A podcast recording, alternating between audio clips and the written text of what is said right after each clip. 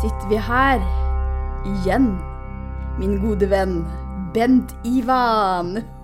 Velkommen tilbake! Tusen takk, kjære Maika, for at jeg fikk eh, komme i gang igjen. Ja. Det var jo spennende forrige gang, og jeg er i hvert fall minst like spent i dag. Ja, Er du nervøs? Det å si nei på det vil være å lyve. Ja. Nei, dette er, eh, det må jeg bare innrømme at dette er jo situasjoner som jeg ikke akkurat helt uh, alltid liker å være i. Ja. Det er en offentlig rom. Nei, Ja. men uh, privatrom, det storkoser meg. Ja. Ja. Ja, ja. Det er jo interessant, og det snakka vi om litt sist òg. Så hvis Ja. du som hører på ikke har hørt episoden som vi spilte inn sist, så må du gå tilbake og, og høre på den.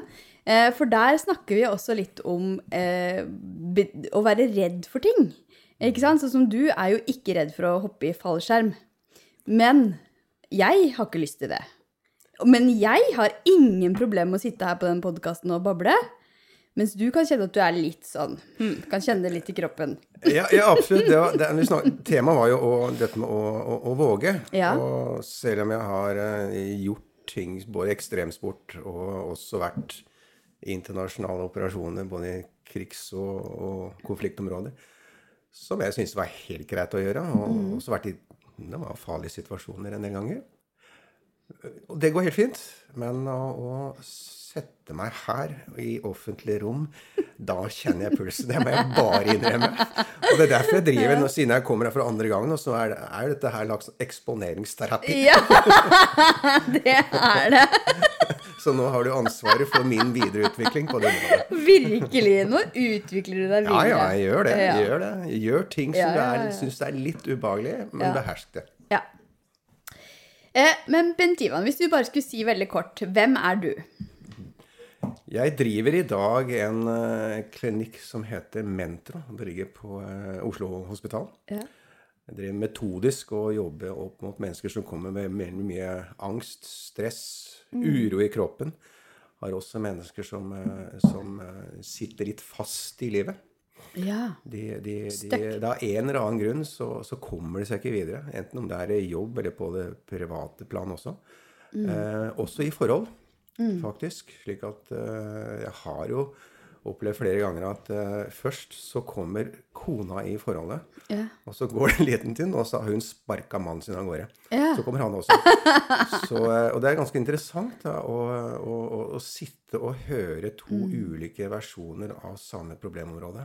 Ja. Eh, og, og hvor fort man kan se egentlig De prater jo totalt forbi hverandre. Og det er, eh, det er spennende å se på. Og også hva som, hva som er bakgrunnen for det. Og det er kanskje litt av det vi skal snakke om i dag. Ja. Forsto jeg.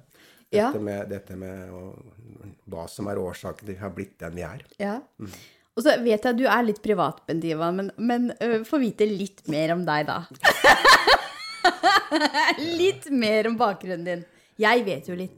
Nei, Men- altså men, Hovedbakgrunnen er jeg jobbet med, starta med, med psykologiske operasjoner i Forsvaret for over 20 år siden. Slik at den kognitive delen er noe som jeg har jobbet med lenge. Mm. Jeg var også hovedlærer på, på Forsvarets høgskole og statsskolen, innenfor den samme tematikken. Eh, Jeg jobbet en del i Forsvarets spesialstyrker, eh, og også hatt en del operasjoner i utlandet. Eh, Etter hvert så tok jeg videreutdanning og spesialiserte meg innenfor klinisk eh, hypnose, klinisk arbeid, samtaleterapi osv. Og, og tok også sågar eh, klienter på kveldstid etter jobben, før jeg da beslutta å gå all in for, for dette her. For jeg så effekten av det. Eh, at folk som tidligere bare hadde gått i samtaleterapier, ja, det kunne hjelpe for, for flere og kunne dempe seg litt, men det er først når vi da gikk inn i dybden, altså underbevisstheten, at vi liksom fant de gamle tingene som lå der, som egentlig var årsaken til det som kanskje holder oss igjen, eller det som gir oss stress, eller de som gir, gir oss angst osv. Og, så og så jobbet vi på de områdene da kunne man jo si at du fikk en raskere en slags forløsning på det som har holdt deg tilbake på mange områder. Mm. Det var så fascinerende å, å, å oppdage det. Eh, motiverende å se at man kunne hjelpe folk eh, videre. Og eh, også når vi tar den utdanningen, så var du jo selv eksponert for det samme, selvfølgelig. Og jeg merka også selv effekten av det sjøl, altså. på, på mm, følelser, eh, tanker, mm. atferd osv. Mm. Ja. Spennende, spennende. Og så er du jo også Du er jo eh, generator, emosjonelt styrt. Du, så jeg har jo sett på human design-kartet ditt, så Ja vel. så du eh, eh, skal jo respondere på ting, så derfor så passer det veldig bra at jeg stiller deg litt spørsmål her i dag. For da bang, responderer du. Hva var det jeg var, sånn i? Du er emosjonelt eh, emosjonell generator. Emosjonell. du er emosjonell. Nei, du er generator ja. i Human Design. Okay. Og du tar valg ut fra følelser, kort fortalt. Ja, vel. Mm, okay. yeah. Men greia er energitypen generator. Veldig fin for en generator å bli stilt spørsmål. For da responderer du. Og da begynner du, ikke sant? Bla, bla, bla, bla, bla, bla, bla. Og så blir du magnetisk. Ikke sant? Ja, nei, jeg lærer jo stadig hver gang jeg møter deg, Maika. Så, så bra. Ok. Da eh, har dere som hører på, fått vite litt mer om denne herren her. Og jeg beit meg merke i en ting som du sa i stad, som sikkert er litt viktig, og som jeg tror du hører mange ganger, eh, og som du selv sa at ofte er en sånn gjenganger, det er at folk sier at du, Bendivan, jeg er så stuck, jeg føler meg så stuck. Mm. Hva sier du da? Altså, man kan si finne Og det er gjerne sånne blokkeringer, som jeg kaller det. Mm. Eh, og, og, jeg prøver å gå litt tilbake i tid, og, og kanskje helt tilbake til eh, da vi var små. Mm. Eh, vi starter gjerne med en sånn sosialiseringsprosess ganske tidlig, eller det er med en gang vi kommer til omtrent. Eh, og, og vi har vi har ikke disse analytiske evnene med, med, oss. Vi observerer hva som skjer rundt oss. Mm. Vi observerer spesielt våre omsorgspersoner. Mm. Eh, hva de gjør. Og alt dette her, våre observasjoner, laster seg egentlig inn i vår, si, kroppen og sinn som, som følelser. Uh, og, og, etter hvert så er dette også Jeg bruker også et annet ord på det. Det er altså sånn overlevelsesmekanismer denne sosialiseringsprosessen går ut på. Uh, og dette blir det som jeg gjerne senere kaller for programmer. Mm. Når vi da observerer hva som skjer rundt i det miljøet vi vokser opp i, så blir det følelser som legger seg i kroppen, hva som er bra å gjøre, og hva som rett og slett er liksom, litt sånn fy-fy å gjøre. Mm. Og det er ganske varierende fra hvilket, hvilken arena du vokser opp i. Men det som jeg også ser, da, det er at eh, når, når, mennesker kommer til meg, så ser jeg at det er gjerne disse gamle programmene som kanskje var bra å ha i den alderen der. Men nå, når du da er, er, er voksen, så driver du fremdeles og, og, og er denne snille piken eller snille mm. gutten osv. Og, og, og, og leter da etter hvis jeg gjør det sånn og sånn, så, så får jeg et klappe på skulderen og jeg blir akseptert og akseptert. For jeg, det er først da jeg tror at jeg er god nok. Uh, og det er ganske gjennomgående. Uh, det vi gjør da, det er å, å finne gjerne gjennom da, klinisk hypnose f.eks. Og gå litt tilbake til da dette Når var dette programmet begynte å etablere seg? Når sto det fast? Mm kan vi gå tilbake den tiden, og så jobber vi på akkurat det programmet. Lager, setter inn litt andre, nye følelser. Og så kan vi da jobbe oss videre opp i den alderen som man, eh, den personen er i per i dag, slik at det også da blir en forløsning. Eh, det er ett eksempel på hvordan vi, mm. hvordan vi jobber da. Så hvis man da føler seg stuck, så kan det ha sammenheng med noe du følte også som barn? Ja, absolutt. I høyeste mm. grad. Ja, ja. Nettopp. Og der kommer også dette med å, å våge, dette å stikke mm. nesa slik latt fram. Ja. Eller på den andre side de som faktisk eh, liker å gjøre det. Ja. Og, og, og, har kanskje blitt eh, premiert da, for at mm. den, den, som kanskje er klovnen i familien, eller, eller, løper rundt og gjør ablegøyer, mm. og så får han liksom alle ler og syns det er morsomt å klappe på skulderen. Og så, og så, drar man kanskje dette her med seg. Mm. Jeg, sier, jeg, sier, ikke at slik er det, men jeg sier at det, i hvert fall min erfaring, så ser jeg ofte spor tilbake til den tiden. Mm. Uh, at man og da fikk man oppmerksomhet, da, når man liksom drev og tulla og tøysa og sånn. ikke sant? Da ble man jo sett for det. Ja. Mm. Det er mange variabler her. At det, altså ikke, altså, sånn 100, Pass på at ikke det er sånn at dette er en etablerte sannhet, men det jeg sier at det, ofte så har jeg opplevd det, og, Ja. og ser, ser dette her. Og uh, det som er spennende å se, det er at det uansett Jeg har hatt uh, klienter fra ned i 12-13-årsalderen til oppi de er 80 år, og veldig mange så ser vi de samme tingene som går igjen. Ja. Nøyaktig de samme tingene, uansett, for du bærer med deg disse såkalte programmene gjerne, da. Noen ganger så kan det her bli ganske avslepet etter hvert når du blir, eh, blir eldre, og du får nye erfaringer, og du trener Mm. på nye ting som mm, si, går imot dette programmet, mens andre enn lar dette her bli.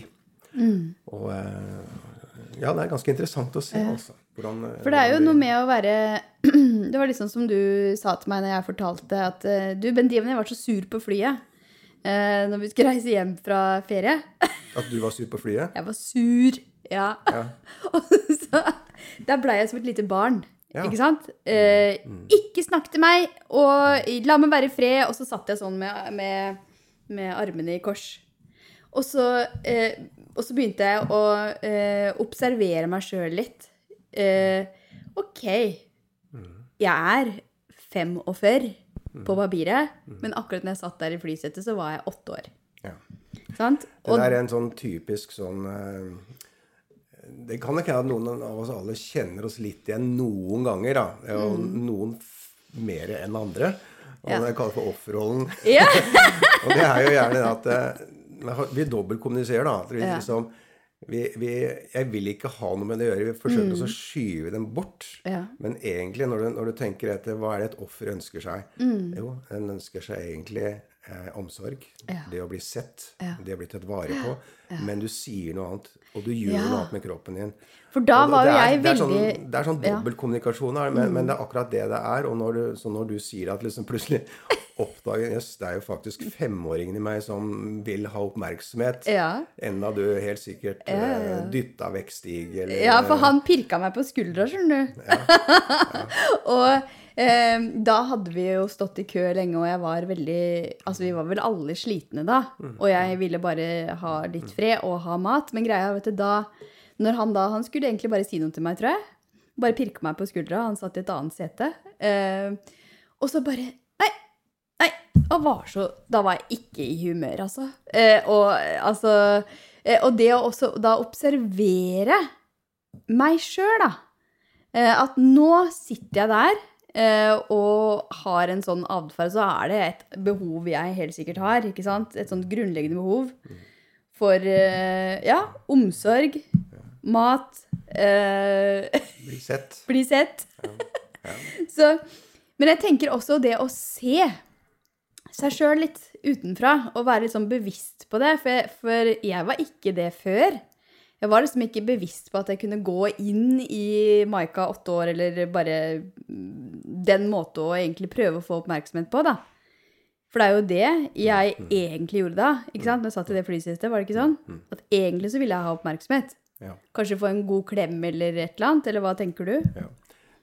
Du har helt rett, og jeg er veldig glad for at du sier at du oppdager det sjøl. Og det Mm. er liksom den første kan du si, oppdagelsen av mm. som vi kaller det. At når du først begynte å bli klar over at sin egen atferd og hva som kan være årsakene, Ja. så, så da har du egentlig kommet ganske langt. For da kan du egentlig begynne å jobbe med de tingene. Og, og det, er jo, det er jo gjerne trinn én da, når jeg har Ja. de som kommer til meg. Det er å bli liksom self-aware over, over den type atferd.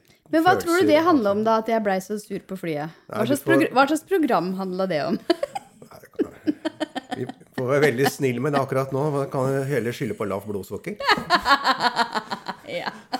Det kan jo være det. Ja, hvis ikke, så kan du jo ta deg en tur i, på kontoret hos meg. så Ja, det, ja, der har jeg vært flere ganger. Det er helt Ja, nei, jeg, jeg tror nok alle fører sine en gang iblant Uh, at vi trenger akkurat Ja. å bli sett Ja. Mm. og få den omsorgen. Det, det, det, det tror jeg alle det er naturlig, og det trenger vi. slik at vi skal ikke overdramatisere altfor mye heller. Nei, nei. Men, men, Men eh, hvis, det er repet, hvis det er repetitiv, at du kjenner veldig inn at dette skjer ofte i meg, og du er klar over det, så går det faktisk an å jobbe fint med det. Altså. Mm. Det finnes gode muligheter for det. ja. Men da går man altså inn i eh, dette barnet i seg. Ikke sant? Og da, når jeg satt der i flysettet, så var det jo noe i meg som begynte å oppføre seg som et barn. Ikke sant? Og da er det jo eh, noe jeg sikkert også gjorde da jeg var barn. Ikke sant? At Ja. jeg kunne bli litt sånn mm, Ja. Ja. Ja, det, det kan være det. Og det er jo Jeg tror vi, eh, Som barn så tror vi alle har gjort det. Ja, ja, ja. Ja. Det er jo Forskjellen på det er jo om hvorvidt det blir dominerende atferd hos deg som voksen. Det er en annen ting, ikke sant? Det er det heldigvis ikke. Ja, nei, jeg, jeg, opp- jeg opplever det ikke sånn. Ja. Og så er vi mennesker òg, da. Men jeg syns jo det er interessant. Det var jo bare et eksempel. Men uansett hva slags situasjon man er i, da. Eh, om man føler seg stuck, eller man blir irritert, eller man på en måte ikke tør å ta steget videre, da. For det er jo Hvis vi skal snakke litt mer om det, så er jo det noe som er noe som går veldig igjen hos de jeg jobber med. Ja. Eller som kommer inn, eh, som jeg snakker med, at eh, nei, jeg tror jeg kanskje skal vente litt, jeg. Eh, til barna har blitt større, eller til jeg har litt mer penger på bok. Eh, eller til jeg kanskje har mer kunnskap. Det er veldig mange sånne unnskyldninger for å ikke gå for det sjelen egentlig ønsker, da. Eller det man egentlig vil for seg sjøl og livet sitt. Og så bare Jeg syns det er så trist når jeg eh, møter folk og snakker med folk som er litt sånn i, samme, i de samme rammene, i den samme situasjonen som for ti år siden. Altså når jeg snakka med dem for ti år siden, eh, og da eh, var de også sånn Å, jeg har lyst til å være coach for ledere, eksempel. Og, og nå skal jeg begynne å jobbe mot det. Og så går det ett år, så går det to år, så går det tre år, og så har det ikke skjedd noen ting. Så er de i samme situasjonen. Mm. Ja. Og det er å være stuck. Ja. Og det, da blir jeg også litt sånn trist. Mm. Fordi tenk da, her går livet. Ja. Og du har jo den her indre Mm. driven egentlig. Du har liksom en sjel som ønsker noe veldig fint og vakkert for deg, men så bare er det akkurat som det bare er en sånn vegg der, da. Ja. Får ikke gjort noe. Og da er jo det Hva kan det komme av? Altså, det er jo veldig individuelt og individuelle årsaker blant det. Eh, Så det er sånn Jeg har jo hatt flere eksempler på det, og så har jeg også hatt eh, eksempler på det motsatte. Hvor faktisk det blir så dominerende til slutt at de folk har gått i kjelleren eller møtt veggen, som vi sier. Og, eh, og et eksempel av det var en eh, på de sistnevnte, en klient som si, vokste opp, og han, han, han hadde akkurat gått i kjelleren og krasjet. Han, var, han, var, han hadde ganske ansvarlig jobb, en ganske høy stilling. Godt utdannet. Mm. kom fra et møblert hjem mm. og hadde gått i kjelleren etter eh, ganske lang, hard jobbing. Eh, og han skjønte ikke helt dette her, men han følte hele tiden at det ikke strakk til og strakk til og strakk Ja, til. Enda han Ja. leverte jo maksimalt. Fantastiske gode resultater, men, men klarte aldri å Var aldri bra nok, aldri bra nok, var aldri fornøyd, aldri fornøyd. altså. Og der sporer vi det tilbake gjennom hypnosen. At han, han husker han satt på stuegulvet hjemme da, som liten gutt, og, og, og, og faren skrøt så, skrøt så veldig av Oi. eh, nabogutten. Oi. Hvor flink han var, for at han gjorde sånn og sånn og sånn. Og han fikk ikke, han fikk ikke alltid den der en, Han leita så mye etter denne, dette aksepten, dette klappet på skuldra av, av far. Og det gjorde han at ok, for at jeg skal klare det, så må jeg altså levere og jobbe, jobbe, jobbe med gode resultater og Teste. Han fikk jo det. Han fikk det. Men inni han så var han alltid nummer to etter nabogutten. Oi, oi, oi. Eh, og dette var han ikke klar over. Dette satt i han hele tida som voksen mann. det kom opp i han var jo- hypnose Han var jo det. faktisk godt opp i 50-årene. Mm. eh, og kommer til meg med å gått i kjelleren og vise til gode resultater, som sagt. Og, men igjen, inni han så var han den eh, fireåringen som satt på gulvteppet hjemme. Eh, Så det vi gjorde da, det, det var rett og slett å begynne å jobbe med helt tilbake på den tiden. Eh, og satte inn Skapte en bedre følelse i den fireåringen, i den situasjonen. Og bygde han opp på den måten, slik at han kunne, kunne eh, slippe akkurat dette behovet for å overkompensere. Fordi at eh, han fikk faktisk mer energi. Av og kunne slappe litt mer av. Og resultatet var akkurat de samme. Ja, ja, ja. Men han fikk det bedre med seg selv. da. Og dette her er veldig typisk. Det, det, det kjenner jeg igjen hos eh, kan de si, veldig mange av både så kvinner og menn og gutter og jenter altså, som sitter i oss. Og det er sånn typisk gammelt program jeg kaller for Windows 95, Ja. som sitter i oss, som ikke har blitt oppgradert i den nye situasjonen som vi ja, i dag ja. lever i. da. Ja. Det er utrolig interessant da, hvis du ser det utenfra. Ikke sant? At det er egentlig en vellykka mann med en toppjobb, ikke sant? og så har han det der indre Ja, ja. barnet Ja, ja. som egentlig styrer veldig, da. Mm, Det er veldig interessant å også bli bevisst på det. For det er sånn som du snakker om, hva er det som er Hva, hva er det man er bevisst? ja. Og hva er det man ikke faktisk er klar over? Det er veldig mye man ikke er klar over. Mm. Ja. Det syns jeg er så interessant. Dette indre barn som vi snakker om, det er helt sikkert mange av dine lyttere som, har, har, som kjenner til og, og har, kanskje har brukt. Eh, det som er forskjellen når vi jobber med det indre barn og vi nå på å si, driver med klinisk hypnose, er at vi går inn og så kjenner vi det. Altså, Vi bruker indre barn for å kjenne på For det indre barn er egentlig bare følelser i oss. Ja, ja. Og når vi bruker og visualiserer det i hypnosen, så er det ikke noe annet enn at vi tar direkte kontakt med det gamle programmet vårt. Mm. Og kommer direkte kontakt med følelsene istedenfor da å stå seg, bare stå og se seg selv i speilet og snakke til sitt bevisste sinn og si at ja. Ja. flott du er og bra. Nå, yeah, ja. Du skal jo gjøre det også, men her, nå kjenner du det. Det er noe annet. Og, det, og det får en mye større effekt av det med en gang. Eh, og jeg trener jo på det sånn hver dag uten å nesten være klar over at alt jeg gjør det. Mm. ja, ja. Så jeg får rikelig anledning til å le mye av min egen dumskap, alt det rare jeg gjør. Så det er jo Det er vik viktig å ha mye selvironi. Ja, ja, ja, men det kommer man langt med.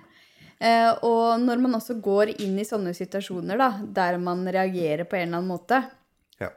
Så er det noe eh, også eh, når man har kommet litt ut av det, alle følelsene, også kunne se det litt med litt sånn humoristiske øyne, da, og møte seg sjøl med litt eh, humor og Så tenker jeg alltid jeg er smart, eller? Hva tenker du? humor og glede? Ja, i høyeste grad. Eh, jeg har mye Altså, jeg ler ofte av meg selv om jeg velger et melkeglass eller om jeg går til stua og har glemt hva jeg skulle hente.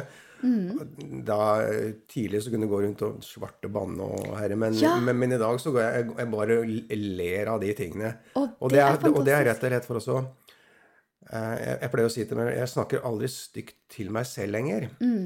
Eh, selv om andre mener jo du kanskje burde ha gjort det i noen situasjoner, men, men eh, Wow, du snakker ikke stygt Nei. til deg sjøl. Dette Nei. her må vi snakke mer om. Fordi Ja, nei, det tror jeg mange gjør. Ja, og det, og det er rett og slett at Og det er liksom punkt én når jeg får en, får en klient. altså Da sjekke ut den indre dialogen din. Eh, fordi at det, det du sier til deg sjøl Hjernen er slik at den tror faktisk på det du sier. Og når du sier det til deg sjøl Ok, ja vel, jeg er teit, jeg fortjener ikke, og jeg er dum, osv. Så, videre, så tror hjernen på det. Og det trigger en del følelser i kroppen din. Når tankene dine er slike, følelsene er slike, så får du også en atferd som tilpasser seg dette her. Og dette er at jeg, jeg kan ikke gå videre med Jeg har lyst på den jobben, jeg har lyst til å gjøre det. Så kommer det Nei, jeg er ikke bra nok, og så kjenner du følelsen kommer der. Og atferden blir da at du blir stuck. Du tør ikke Yes. å søke, du tør ikke å ta det spranget. Og det er en sånn typisk sirkulær tanke, følelse, atferd. Og den går igjen og igjen og igjen, da. Den går på repeat. Det gjør den. Ja. Og dette er gjerne det gamle programmet som du sitter, eller at du har eksponert din, deg selv for den indre dialogen som er så til de grader negativt. Og det, det påvirker rett og slett. Så da, dag én hos meg, det er sjekke ut indre dialog. Husk blir det, folkens. så blir Sjekk det- ut indre dialog. Du skriver med store bokstaver, for det er faktisk litt interessant. Eh, Jeg har hatt perioder der jeg har skrevet morgensider. Har du gjort det? Og så skrive det første du gjør når du står opp. Bare ta litt kaldt vann i, i ansiktet og litt sitronvann, og så sitte og skrive i 20 minutter det første som dukker opp. Alt som bare, det bare renner ut av deg, da. Og det har jeg gjort i perioder. Eh, og da eh, ble jeg liksom klar over hvordan jeg snakka til meg sjøl. Ja. Eh, og det her gjorde var en periode for sju år siden jeg gjorde det veldig mye. Og nå gjør jeg det mer i perioder. Eh, men eh, jeg husker at en av de tinga var at jeg ofte sa sånn Altså hvis jeg gjorde noe sånn i gåsetegn eh, Hermetegn heter det. eh, noe som var eh, dumt, eller at jeg Fordi ofte så er jeg sånn jeg, Hvis jeg skal snakke enda mer om human design, så har jeg definert halvsenter, så jeg snakker jo veldig direkte òg, ikke sant? Kan, ja, ja, kan bare plopp! Oi sann, hva var det jeg sa nå, da? Det kommer sånn Jeg er veldig direkte. Jeg kan si ting rett ut. Eh, og så noen ganger så kan jeg si ting som bare Ja, nei eh, Og så før så var jeg sånn Å, herregud, hvorfor sa jeg det? Er det mulig? Og gikk og skamma meg sånn, veldig høyt inni meg. Herregud, Maika, er det mulig å si noe sånt? Skjønner du? Ja. Og det ble jeg litt sånn klar over at jeg gjorde, da. Når, når jeg skrev. ikke sant? Å, herregud, i går så sa jeg det og det og i det møtet, og det skulle jeg aldri gjort, for da reagerte den personen sånn og sånn. og Herregud, jeg skulle heller sagt det. Å, jeg skulle gått tilbake i tid og sagt det isteden. Sånn bla, bla, bla, bla. Det er ganske slitsomt å høre på. Eh, så det var en av de tinga at jeg, jeg på en måte piska meg sjøl, da. Ja. Eh, for at jeg sa ting rett ut som jeg ikke burde ha sagt. Mens nå er det mer sånn at jeg ser på det som Ok, det er jo en del av meg som egentlig er en gave òg. Fordi jeg ser ting. Og ofte så er det jeg ser, riktig, hvis jeg skal si det eh, sånn som jeg sjøl oppfatter det, da. At eh, ja, det kan bare komme plopp. Men så er det kanskje noe folk egentlig trenger å høre. Sjøl om de kan bli litt trigga noen ganger. Eh, eller at eh, kanskje var det liksom noe som fikk folk til å tenke litt, da. Så, eh, så greia er at det har jeg slutta med. Jeg har slutta med det. Altså uansett. ja, men det er bra. Ja. Det er fint. Men det har også vært en sånn prosess med å bli klar over det. At jeg på en måte har piska meg sjøl for å si feil ting. Nei, det, det, er, det er helt rett. Det er mye selvpisking. Og eh, som jeg sa, det er noe av det første jeg tar opp når du møter klienten. Hva er den indre dialogen går ut på? Ja. Eh, og da er det, gis det ofte hjemmelekser. Konkrete hjemmeoppgaver som, eh, hvor dette her er liksom ett av de punktene. da. Og hva er det man konkret kan gjøre da? Ja, det er, eh, Vi kjører en øvelse som går på, på indre Ja. barn-greier. Det kan gjøres, men jeg ser, jeg ser an fra person til person. Eh, og, og, men i hvert fall bli klar over det. Og så er det en annen ting, det er jo dette med, dette med tanker. Det er jo når Mange har en tendens til å identifisere sine kan du si, tankene med seg selv. Yes. sant? Ja. Og, og som jeg pleier å si, altså Tankene de bare lever sitt eget liv. Og, og noen ganger som litt sånn uskikkelige unger. Slik at du etter hvert klarer å, å distansere deg fra dette, denne totale tankestrømmen som ofte kommer da. Så jeg får det ikke til, eller jeg kommer aldri, det kommer aldri til å gå, alle de tinga. Jeg er dårlig på det tekniske. Den type ting. Ja, det Ikke sant? At, man, at det blir liksom Du blir tankene dine, da. For det var jo litt sånn I dag tidlig så hadde jeg en meditasjon på Instagram. Skjønner du, Bent Ivan? Ja, det var for noe? Jeg hadde en meditasjon på Instagram. Ja. Ja. Og en av de tinga som jeg Vi gikk litt inn i det da. Det var faktisk å sitte og observere tankene sine. Nettopp som du snakka om før vi gikk på her, for du satt og holdt et glass. Og så sa du ok, kanskje vi noen ganger kan bare ta, se på tankene som eh, noe du kan putte oppi det glasset her. Ja. Og det var litt det samme jeg snakka om i før i dag i den meditasjonen, at eh, du er ikke tankene dine. Du er ikke tankene dine, men du kan sitte og observere tankene dine. For ofte så er det sånn at man sier 'jeg er så syk', 'jeg er så dårlig til det og det', og så blir man den ja, hjernen- identiteten. Hjernen tror jo på det. Yes. Og følelsene kommer der, deretter, og atferden igjen deretter der igjen. Så det, det er å bryte ut av ut dette her. Og, og da er det liksom, hva er det som gjør at vi, vi har disse tankene? ikke sant? Og, og det kan være igjen basert på stress, eller om du har en angstfølelse, eller hva det måtte være. Og når, vi, når jeg har klienter, så kan du si første gangen, andre gang, kanskje tredje, andre, tredje gang, så kan vi virkelig begynne å gå i dybden gjennom, gjennom klinisk hypnose.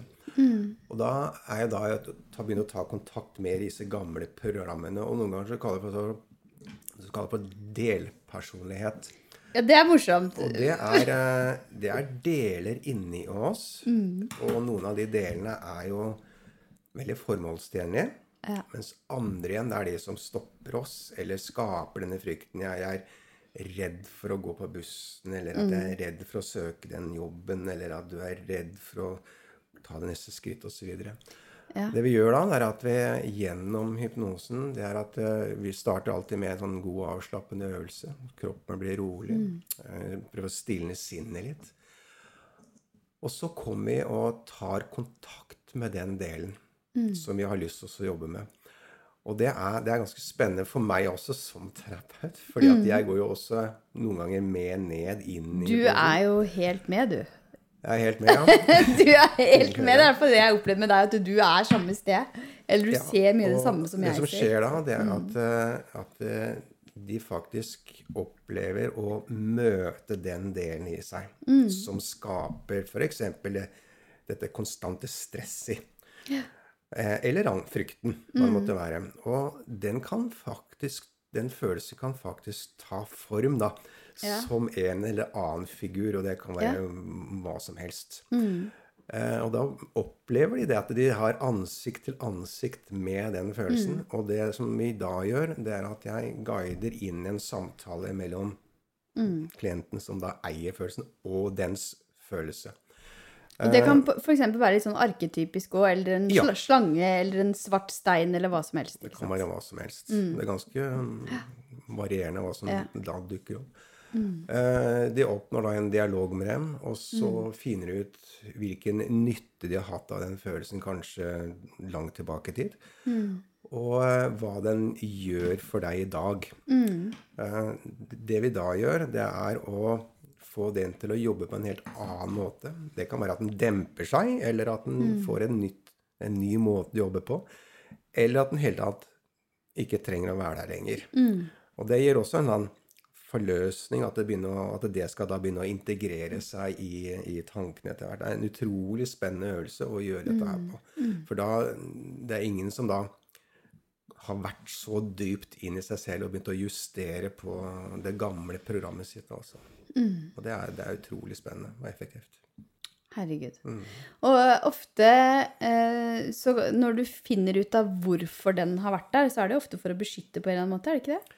Jo, det er også pleier å si at vi, når du møter den følelsen, Ja. så har jo den hatt den funksjonen en gang i tid. Ja. Eh, og mange er sånn at de ikke liker den følelsen. Altså De prøver å skyve den unna, Mm, Ja. men da vokser den bare og gjør seg større til stede. Vi starter ofte med liksom å, å, å gjøre litt Gjøre deg til venns med de følelsene som også er vonde. Det er vel egentlig Mm. Ja. det jeg sier. Eh, og da ofte så kommer du mer i kontakt med den. Den kan dempe seg, og du kan også på den måten gjennom denne type terapi eh, endre litt på det, det programmet der, da. Og nå kom jeg på noe. Eh, for Stine Rein, som du også kjenner, og som har vært gjest her et par ganger på podkasten, hun sier noe som er veldig fint. Hun sier at følelser er ikke farlige. Hva tenker du om det? Ja. Hva jeg sier om det? Hva tenker du om det? Jo, nei, altså, jeg, jeg pleier å si For ofte så skyver vi det unna, det som er litt sånn vanskelige følelser. At vi ikke vil gå inn i det. ja, Frykt, som det heter. Ja, Mm. Frykt. Eh, jeg kaller det falske rykter. Ja.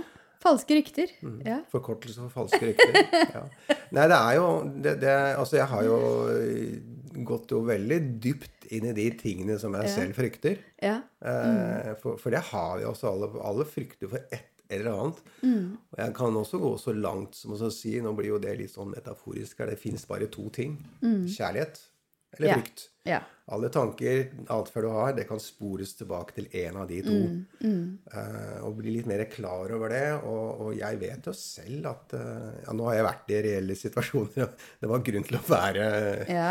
ha frykt, Det- ja, og det er fordi at trenger vi da har som jo også den mennesker. frykten hjulpet deg ut av en eh, I hvert fall i mitt eller livsfarlige situasjoner. Uh, mens den generelle frykten som jeg kan også kan ha kjent på i andre situasjoner som, som eh, ikke har vært altså det reelt farlige, så kan man jobbe på det. Og lure på hva er det den kommer av, og, og snu litt på de. Ja. Og da våger du å gå inn i det Ja. og se på det. For det er jo ofte det som er hemmeligheten. Eh, og jeg vet ikke om du har lest en, eh, en mytologiprofessor som heter Joseph Campbell. Men han snakker om det å gå inn i eh, den hulen du har minst lyst til å gå inn i, eller gå på den stien du har minst lyst til å gå på. Og der møter du en drage, eller flere drager. Ikke sant? Og da må du faktisk møte de dragene. Ja. For på andre sida så ligger gullet. Ja. Ikke sant? Men hvis du ikke våger å gå inn i den hula eller gå på den stien, så kommer du aldri til å finne gullet ditt. Du må gjennom den falske rykter. Ja. Mm.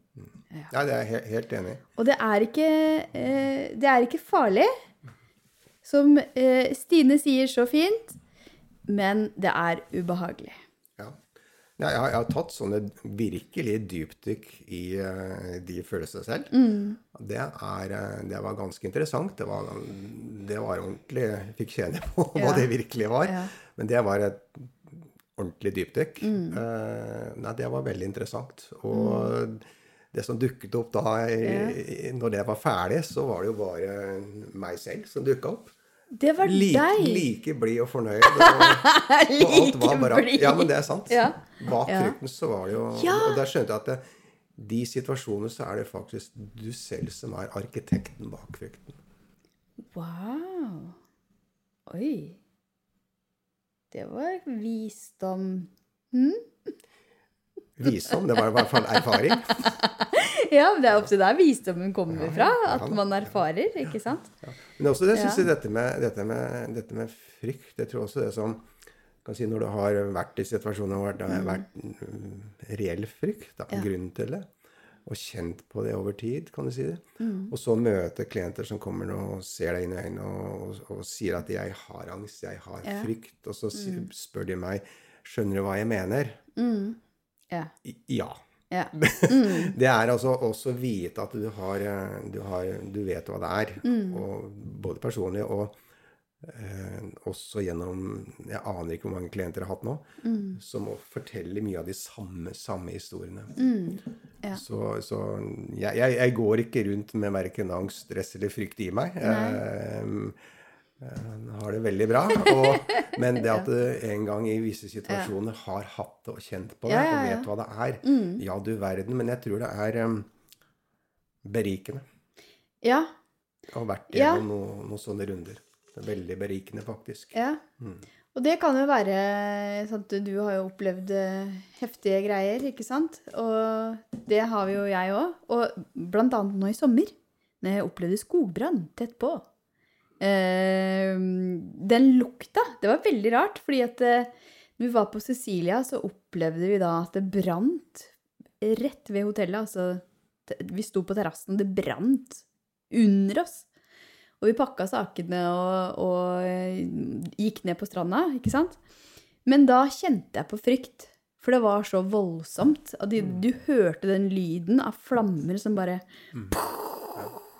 Ikke sant? Det, det, er jo, Og det er frykt. det er jo reell frykt. Det er reell sånn, frykt. Og, og det er jo, i de situasjoner så er jo den til stede for å Mm. gi deg adrenalin, Yes. kortisol i kroppen, Ja, ja, ja. noradrenalin, og det er for å få, få dette her og masse oksygen ut i musklene dine, slik at du kan være sterk Mm. At du kan og kunne flykte. løpe fort. Ja, sant? for det var det jeg hadde lyst til da. Å Ja. flykte fra det er- situasjonen. Det er en naturlig sak. Ja.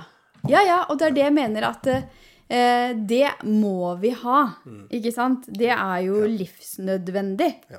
Men den frykten, da, eh, kan også bli eh, noe som står i veien. Noe som virkelig står i veien for at du skal kunne gå for det du egentlig vil. Ja. Men for at du skal våge, så må du også våge å kjenne litt på det og gå inn i det. Våge det. Selv om det er ubehagelig. Ja. ja, du har helt rett. Mm. Og så rett. gir det mer og mer slipp. Ikke sant? Fordi når jeg tenker litt sånn eh, Hvis du som hører på, hvis du tenker tilbake, ikke sant? Hvor var du for fem år siden? Hva var du redd for da? Når jeg tenker tilbake på det, sånn, da kunne jeg tenke sånn Herregud, tenk om jeg ikke får kunder. Tenk om det ikke er noe penger på kontoen. Eh, altså tenk om, tenk om, hvis om dette her går rett åt skogen. Tenk om, tenk om, tenk om, tenk om. Eh, det var veldig mye tenk om, tenk om, tenk om. Det er, driver jeg ikke med lenger. Så greia er jo, hvis du ser tilbake da, på alle de tankene og frykten du hadde for noe konkret bare for to år siden eller tre år siden, og ser hvor du er i dag. For som ofte så er det en utvikling når du begynner å gå. Ikke sant? Og møter mer og mer frykt om flere og flere lag, og vokser og vokser og vokser. Ja, det skjer noe i hjernen også når du, Ja. når du gjør dette, når du eksponerer deg for det som du nå, nå uh, brukte som eksempel. Mm. Og det er eh, Du eksponerer deg hjernen din for ny erfaring. Mm. Uh, det skapes nye fire and wire, som vi sier, Yes. inni hjernen. Fire, fire. uh, og, og det som du, som du sier, helt klokelig sier, og det som før var skummelt, det er borte nå. Mm. det er at du har, for du har trent hjernen din på at, eh, at dette, er, eh, dette er trygt. Ja. Når du trener hjernen på din, og at dette er trygt, så Mm. til slutt så forstår den det. Eh, og det blir en helt annen setting enn eh, fordi at det det vi normalt gjør, da, vi som, hvis, det går, hvis det går ve veldig mye frykt i deg hele tiden, så er det gjerne for igjen disse tankeprosessene. Og det er at du, du trener hjernen din på å bli redd. Eh, så alt det du Alt det du trener ofte på, blir du veldig Ja. god på. Yes. Uavhengig om det er en positiv måte å tenke på eller en negativ måte å tenke på. Som veldig mange har blitt veldig gode på å trene på å bli redd. Ja. Eh, og og den, eh, det er jo der vi jobber med de nede hos meg, på å snu dette og trene på de riktige tingene. Og det er mer av å, å For når mange kommer til meg, så, så sier de 'jeg hadde det sånn og sånn', 'jeg har det sånn og sånn'. Ja vel. Men jeg legger like mye vekt på, eller enda mer eh, vekt på, hvordan du skal ha det. Og det er rett og slett å se, begynne å kjenne på hvordan er det du skal ha det i fremtiden? Og så skal vi da dra fram følelser tilknyttet det. Yes, yes, Og, yes. og det gjør at man allerede da begynner jo hjernen å trene på sitt fremtidige jeg. Yes. Det som da har eh, Man har trent på å være skummelt, frykt for å kunne gå videre og gjøre nye ting. Så i hypnosen så får de oppleve da at de allerede er der. Det har etablert seg dette nye. Og så får de kjenne på godfølelsen rundt det. Og det er også da å trene med hjernen på å være i den situasjonen. Og det, er, og det er en ny erfaring igjen da, som eh, også påvirker og trekker folk i den retningen. Ja, og at du kan være litt og kjenne i det, og hva slags valg er det den versjonen av deg Ja. vil ta Ja. for deg. Ja. Så eh, det er det en veldig sånn sterk kraft i. Eh, men hvis noen hadde kommet til deg da og sagt vet du hva, jeg er bare så redd jeg for å gå videre og gå for drømmen min om å starte min egen bedrift, for jeg er så redd for å miste huset mitt og tenk om jeg ikke har kunder og tenk om jeg ikke har penger. Og så blir de så redde at de enten ikke gjør noe med det, eller at de begynner å gå, og så bare 'Hjelp, hjelp, hjelp! Jeg må, jeg må få henge meg fast i noe igjen.' Vær så god. 'Ja takk, jeg tar den faste jobben der, jeg.' Og så klarer de ikke å være i det lenge nok til at det hadde vært det første gjennombruddet, da. Fordi frykten blir så stor at de tror mer på frykten, ikke sant, som du sier, enn på kjærligheten. Ja. Altså Det må jo først kan vi si, finne ut hvilken situasjon er det i. Og en mm. reell situasjon. Det, det er jo en, én ting. For da finner vi veldig fort ut om er dette her reelt, eller er det Ja. en, en Kall det falske rykter igjen. Falske rykter. Eh, og, og så jobbe for for Hvis det er da falske rykter, så, så, så tar vi tak i det. Ja. Og jobber på det, og, og skaper litt mer trygghet, ro, mot. Ja, ja. For ofte så er det jo eh, Selvfølgelig så er det ubehagelig å hoppe ut i det og gå for det man egentlig vil. Men ofte, sånn som jeg hører når jeg ser det og observerer det litt, så er det ofte katastrofetanker. Ikke sant? At man kan gå og Det hadde jo jeg i starten òg. At det liksom, jeg kunne tenke så eh, Oi, tenk om ikke det her går. Ikke sant? Ja. Da må vi selge hus og hjem, og så blir vi satt på gata. Altså Man kan gå så langt inn i sånne katastrofetanker hvis du først har begynt å tro på frykten. da. Eller tro på de falske ryktene. Ja, ja, noen har det sånn som du beskriver. Det er helt åpenbart, og de, det er gjerne de jeg møter. Ja. Eh, og så er det andre som ikke har det. Som, eh, som bare hopper i alt mulig og, og har ro på det og har en sånn genuin trygghet i seg selv. Liksom Ja. vi, er, eh, vi, er, vi er veldig sammensatte og individuelle alle sammen. Så vi er forskjellige, heldigvis. Mm. Men stort sett de jeg møter, er jo de som eh, trenger å jobbe med de, Ja, ja, de tingene som du pekte på her, da. Ja. Så hva kan man gjøre da? Fordi det er jo mange som opplever det. Som virkelig har lyst til å gå for det å skape en egen bedrift, ikke sant? Og så står Og så blir disse her tankene, eller de falske ryktene, de blir altså som en sånn ropert, ikke sant? De blir så høye. Og de tar fullstendig overhånd. Så hvis du begynner liksom å gå litt, så blir det så skummelt at nei, nei, jeg holder meg her, jeg. Det er tryggest. Ja. Nei, altså, jeg, jeg- jobber jo med de. Ja. Eh, jeg holdt å si noen som skal gjøre det du nå sa, og så er det andre ting, da. Det kan være mye mer trivielle ting enn å ta Ja, de ja. Mhm. store livsvalgene, selvfølgelig. Men det gjelder også dette med de som står i kan vi si, nære relasjoner og forstår at dette her kommer bare ikke til å gå veien, men så står Mhm. de fast likevel. Da. De tør ikke å gå videre. De, de har jeg også. Ja, ja. Og. Så de er stuck på ulike måter. Det kan være ulike Ja. livssituasjoner, ikke sant? massevis av Mm. ulike, men, men det peker gjerne tilbake til én ting. Det er denne ja, dette motet til å kunne gå videre og skape en trygghet, skape en ro, få litt Mm. mer en, en større oversikt. fordi at når vi er i den situasjonen der, det Mm. som skjer, er at vi får veldig det vi kaller sånn veldig tunnelsyn, og så Ja. skaper fryktbilder, og så skaper vi, får vi disse kjemikaliene, kortison, adrenalin, noradrenalin, bare Mm. flyter i kroppen. Og det, det hjernen gjør da, når vi har alle disse fryktfølelsene i kroppen Han leter jo faktisk etter alle muligheter av katastrofer Yes. som stemmer med følelsene vi har i kroppen. Ja. Og det er der vi forsøker liksom å lære hvordan man utvider kan du si, litt mer av både sinnet, ja. følelsene, få mer ro. For når du er redd, så leter du etter de tingene som passer den følelsen. Når du har ro, så har du mye mer åpent sinn. Du forstår du er mye lettere for å finne løsninger, etc., etc., etc. Så det skaper ro, trygghet, både i kropp og sinn er vel noe av det første vi gjør. Og så begynner vi å lete etter hva, hvilke program er det som ligger der og hindrer deg i å gå videre. Yes. Å, herregud. Og da, når du finner det, det kan være litt sånn wow for folk. Ja, det er noen som får en sånn aha-opplevelse og tenker sånn Jøss, var det Ja. det? Det har jeg aldri tenkt på. Eller, eller, eller en ting er å tenke på, men en annen ting er å kjenne det. Det er to vidt forskjellige ting, altså. Ja. Ja. ja, ikke sant? Å kjenne, kjenne igjen den følelsen. Fra no, noe du har forstå opplevd det en gang. Mm. Forstå det på et litt dypere plan, da. Kjenne det på et dypere plan. Da, da mm, mm. Ja.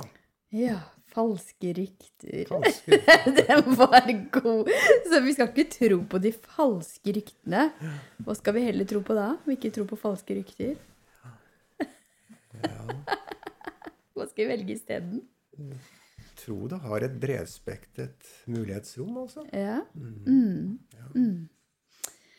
Yes. Så fantastisk. Så hvis, hvis man er der da at man har lyst til å ta et steg ut i drømmen, ikke sant? For det er jo det som er viktig her på denne podkasten, vet du. Hva kan man gjøre da for å liksom mm, Første steget. For å komme seg Hvis man føler at man er litt stuck. Hva kan man altså- gjøre sjøl? Det første er jo i hvert fall at du blir identifisere tenkemåten din. Ja, så det skrev jeg opp her i stad, ikke sant? Ja. Sjekke indre dialog. Det er nummer Det én. er, det er eh, Vi klar over hvordan er det jeg tenker. Det er og hva er det som er årsaken til at de, nettopp de tankene kommer. Og hva er det som er kanskje bakgrunnen for det. Og så kan du eh, være klar over at det er vel igjen tilbake til frykt. Tanker.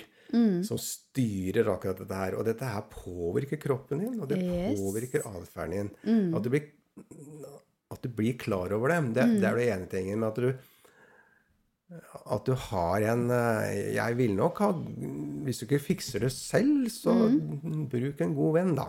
Ja. Eller om du tar terapi, eller hva du vil. Men bli klar over måte du tenker på, føler på, atferden din. eh, få det på bordet, se på det. Hva er årsaken? Har jeg lyst til å gjøre noe? Har jeg lyst til å gjøre noe med det? Ja, for det er litt sånn Jeg hadde en coaching tidligere i dag eh, med en kunde av meg som var litt nede. Litt nede. Og greia var at da hadde vi en veldig god samtale rundt OK, hva er det du egentlig tenker nå? Hva, hva er det du er inni? Ikke sant? Fordi noen ganger kan det være veldig fint også når du skal bli bevisst på den indre dialogen, og, og sette litt ord på det. Sammen med en du stoler på. Ikke sant? Ja. ja. Mm. For da, da kan den, du få et litt annet perspektiv. Mm. For det er litt vanskelig noen ganger når du går rundt og rundt og, og bare Nei, jeg er redd, eller det er Åh, stakkars meg. Ja, det, altså det, det, du tenker i dag jeg, jeg, er helt sikker på at du tenkte det samme i går og forrige uke og forrige måned Mm. også. Ja, ja. ja. så du kopierer, repeterer. Den går på den loopen. Mm. Og derfor så bare at du snakker høyt om det, og du får inn nye innspill, får inn en kritisk tenkning fra en Mm. annen person f.eks., det gjør at du kan kanskje begynne å bryte litt ut av det. Ja, og Så det, det er som... så interessant hvor fort det kan gå. Det syns jeg er så interessant, og det tror jeg du opplever veldig mye av. At man kan komme til deg og så bare Å, fy fader, så jævlig det livet her er. Mm. Og så går det bare en halvtime, og så har det et helt annet Ja. perspektiv. En helt annen opplevelse i kroppen. Mm. For det er jo mange som jeg vet om som eh, har vært hos deg. For det begynner å bli ganske mange som har vært hos deg, Bent Ivan. som kommer ut og sier at 'herregud, jeg føler meg så letta'. Det er en sånn ha, deilig. Mm. Lettelse. Ja, det er mange det- som opplever å få en veldig ro Mm. i, eh, Ja. i, i kroppen også. Og så skal det igjen, da, eh, som jeg ser litt obs på, det at de skal, det, dette skal integreres også. Mm. Eh, de får, det er ikke noe Det går greit å få en god ro og en god samtale og en god Yes. hypnose. Og så skal de nye opplevelsene integrere seg. Mm. Så kjører vi noen repetisjonsøvelser, og kanskje kommer noen ganger til, eller flere ganger, til det setter seg. Og da har du etablert en ny atferd. Yes. Basert på nye tanker. Mm. Basert på nye følelser. Ja. Og det Ja. er, det er, det er Unnskyld uttrykket sabla gøy å observere, altså. Mm. Det, Ja, det gjør hvordan- meg glad. Ja, ja. Og da er vi vel inne på din livsoppgave. Hvorfor du er her på jorda. I denne omgangen. Hva tenker du om det? Ja. Eh, det er jo dette du er god på. Ja. Vi får bytte rolle litt. Men hva, Det var min livsoppgave. ja, Nei, jeg kjenner jo meg, meg godt. Og, Mm. og se at det virker, og se at det gjelder planen, det gjør meg veldig godt. Mm. Og det er eh, Jeg husker jeg jo Jeg, jeg fikk jo beskjed av min, eh, min, min far da jeg var åtte år. Mm. Da skulle min, eh, mine foreldre skille seg. Ja. Og da, da tok min far meg på fanget, og så sa han Vent, Ivan, nå er du eldste mann i huset her, nå skal du passe på mor og lillebror. Oi. Eh, og jeg, der og da syntes jeg det var kjempeflott ikke sant? Ja. og spennende, og jeg var stolt av det. ikke sant? Men eh, det har kanskje vært min programmering også, da. Ja. Å passe på alle andre og rundt meg. Og vært ja. litt for lite flink til å Ja. passe på meg selv etter hvert. Men prioritert liksom Ja. Vært den sterke rundt alle de ja, andre. ja. Ja. Mm. Så nå er du mer eh, sårbar nå, da, eller? Nei, jeg er blitt klar over det at det, du skal bruke hele Ja. styrken, energien som jeg har. Hjelpe andre, men du Ja. skal også, også eh, sette grenser og ta vare på deg sjøl også. Og det, Yes. det er også en ting som jeg jobber med hos veldig mange klienter som opplever veldig mye av det samme. Mm, Spesielt faktisk en del eh, damer mm. som eh, hele tiden driver og steller og stiller rundt med alle andre enn seg selv. Det Er så sant. Og, eh, og, og de kommer inn og er ganske så slitne, og så Mm. Ja. de har nedprioritert seg selv. De er på jobb på dagen og på ettermiddagen og kvelden, ikke Ja, sant? men så er det med den jobben, da, så, så, så er det rett og, lære, rett og lett å lære veldig rundt det som Altså gå på grensesetting. Mm. Ja. Og det er grensesetting for andre, men også like med grensesetting for seg selv. Mm. Og, eh, og det er bare en sånn prosess som jeg selv har jobbet med. det. Ja, hjelpe til, støtte, mm, være sterk for alle andre. Men så må også sette, lære å sette grenser. Ja. Og si nei. Ja, Også for at du skal ta vare på deg. Absolutt i høyeste grad. Ja, Og det er jo til eksempel for mange andre. ikke Ja, sant? At du det- faktisk gjør det, så det vil andre lære det av deg. Ja, det er det. Og da hadde du en programmering da, som gikk på det å passe på alle andre. Det, det hadde jeg, og den har jeg enda. Og jeg, og jeg bare syns den er For meg så opplever jeg den som ganske fin. Mm. og jeg har ikke noe Den vil jeg ha. Eh, og og jeg, jeg liker det. Og det har vært preg Det er jo med tanke på den tidligere jobben jeg også hadde. Ja, ja, ja. Eh, og den jeg har nå. Så jeg syns det er fint. Eh, og har også lært da i tillegg da, å sette mer grenser og også på passe på meg sjøl også. Det, det er også fint. Det skal være balanse. Balanse er ordet. Ja. Balanse er ordet. Ok. Så Bendiva, nå skal vi gå inn for eh, landing her. ja, Skal vi lande litt? det skal vi lande. Ja. Så hva er ditt beste råd? Hvis du skulle bare oppsummert litt. Ditt beste råd til de som sitter og hører på nå, og som kjenner at eh, Åh, jeg kjenner at jeg er redd, eller kjenner på Nei, jeg kan ikke gjøre det der, og får det ikke til. Nei, jeg ville sagt gå inn, lytt.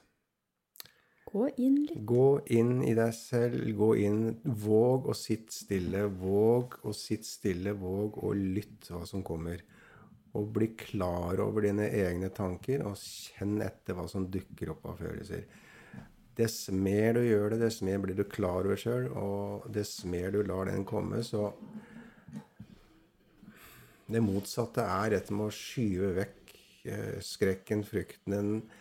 Den, er der for at den vil for, for, forsøke å fortelle deg noe.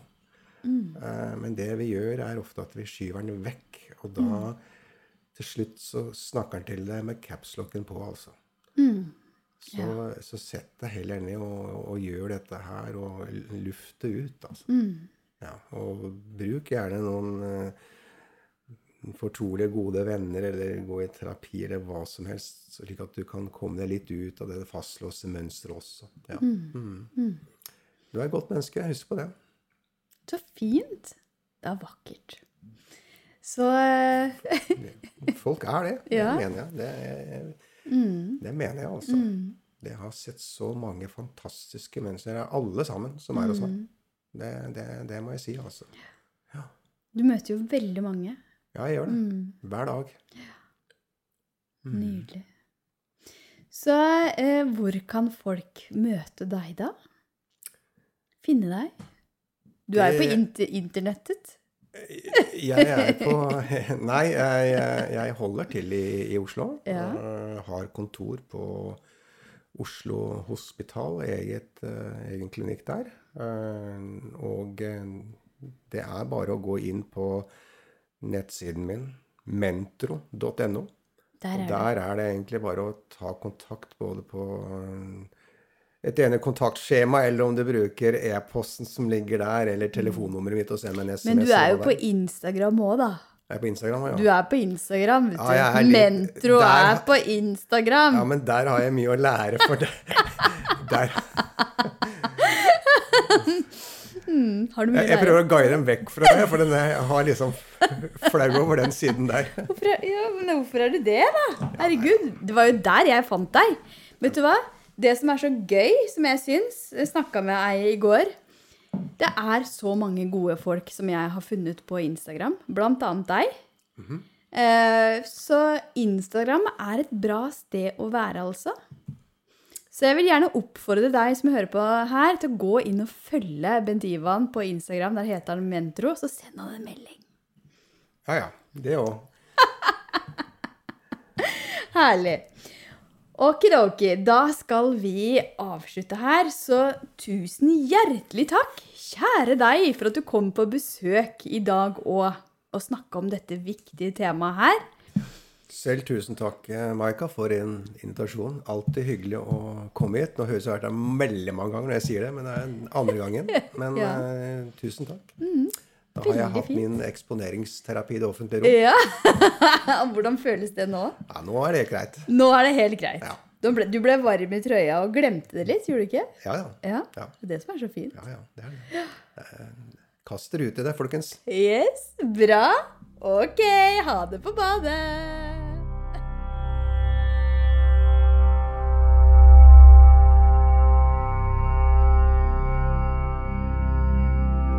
Sjelfull Business-podden er produsert av Rask Produksjon for Maika AS.